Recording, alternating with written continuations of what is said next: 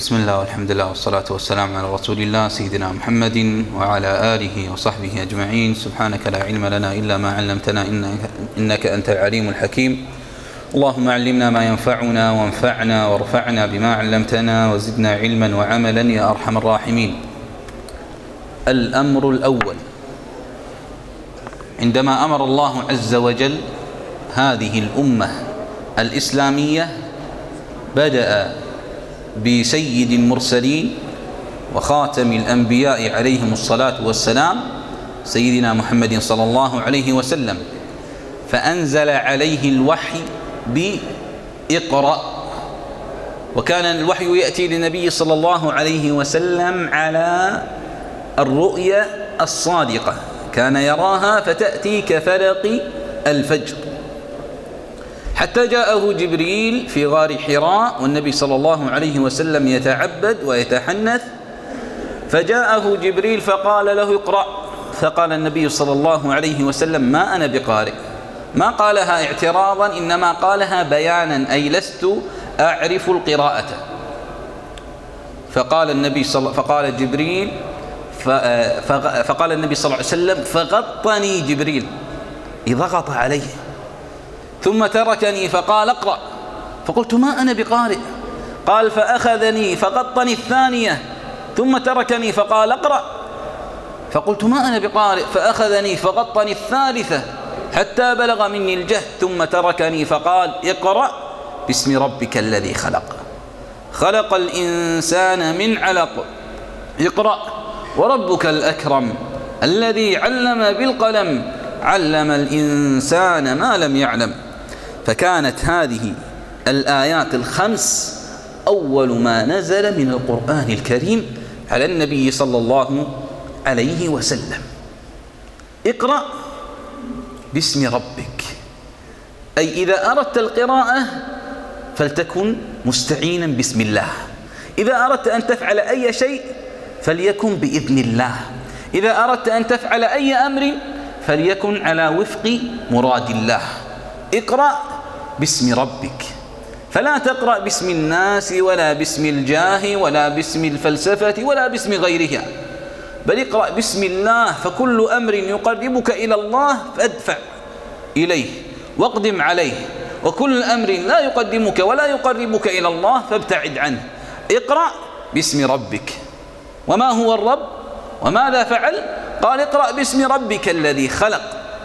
ما الذي خلق؟ خلق كل الكون. وخص أفضل شيء قد خلقه فقال اقرأ باسم ربك الذي خلق خلق الإنسان. الله خص الخليقة بعد أن ذكر جميع خلقه فقال الذي خلق أي خلق كل شيء فهو خلق الجبال والأنهار والأراضين والسماوات. ثم خصها وهذا الخصوص إنما يدل على الأهمية فقال الذي خلق خلق الإنسان من علق. والعلق هو الدم قطعة من الدم متجمدة. أي يا أيها الإنسان متى اغتررت من نفسك ومتى رأيت أن نفسك قد أعجبتك فتذكر أصلك.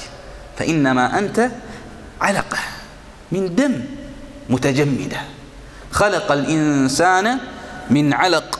اقرأ. وربك الأكرم. لا تقل لا أعرف. لا تقل لا أحسن القراءة لا أحسن التعلم فأنت تتعامل مع الكريم الأكرم العظيم. اقرأ وربك الأكرم. اقرأ وربك سيعلمك. اقرأ وربك سيهديك.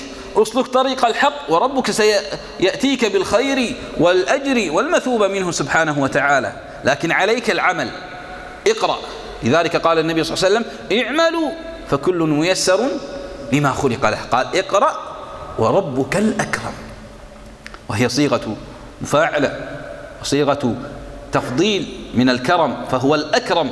سبحانه وتعالى اقرأ وربك الأكرم الذي علم بالقلم. الله عز وجل علم الناس بالقلم وهذا إنما يدل يدل على أهمية طلب العلم والكتابة فما حفظت العلوم إلا بالكتابة.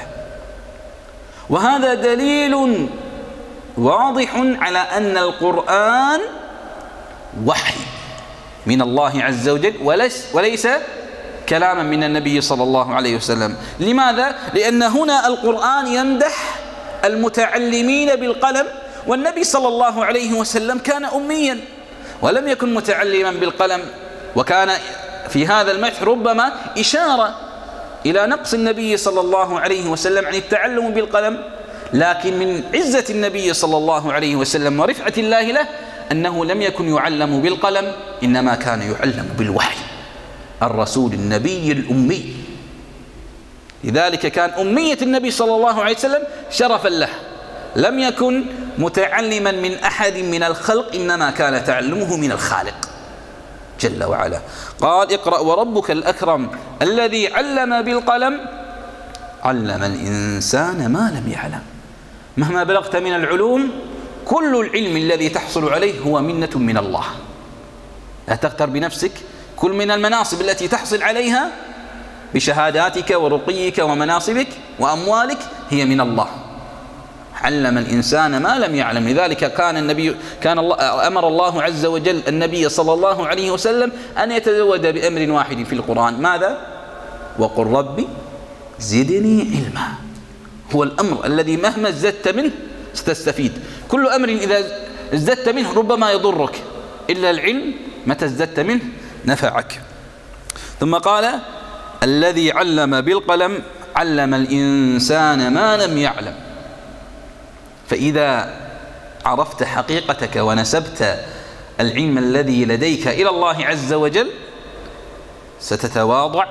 وستخضع لأوامر الله عز وجل. لكن من تكبر بعلمه وجاهه قال الله عنه كلا إن الإنسان ليطغى من الطغيان.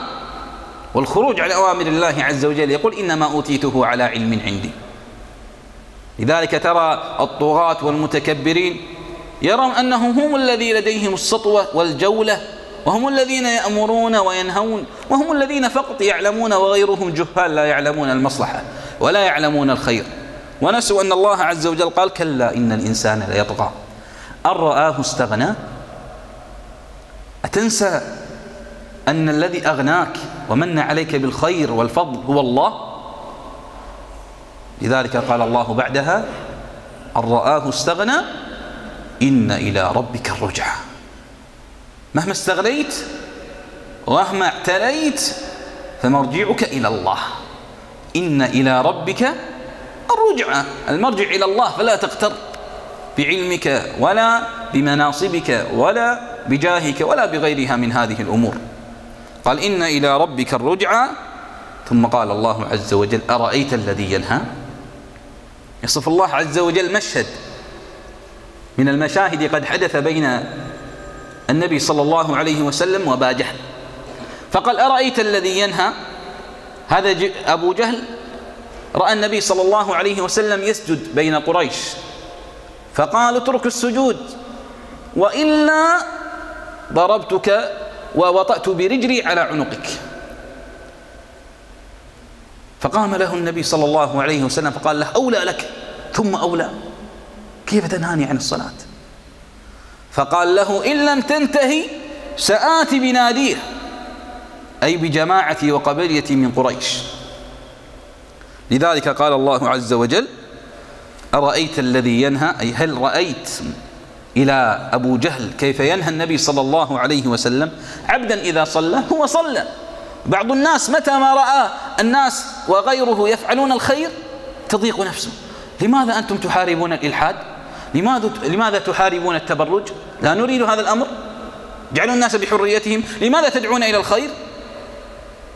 لا تنصحون الناس لا تأمرون بالمعروف لا تنهون عن المنكر. أرأيت الذي ينهى؟ عبدا إذا صلى.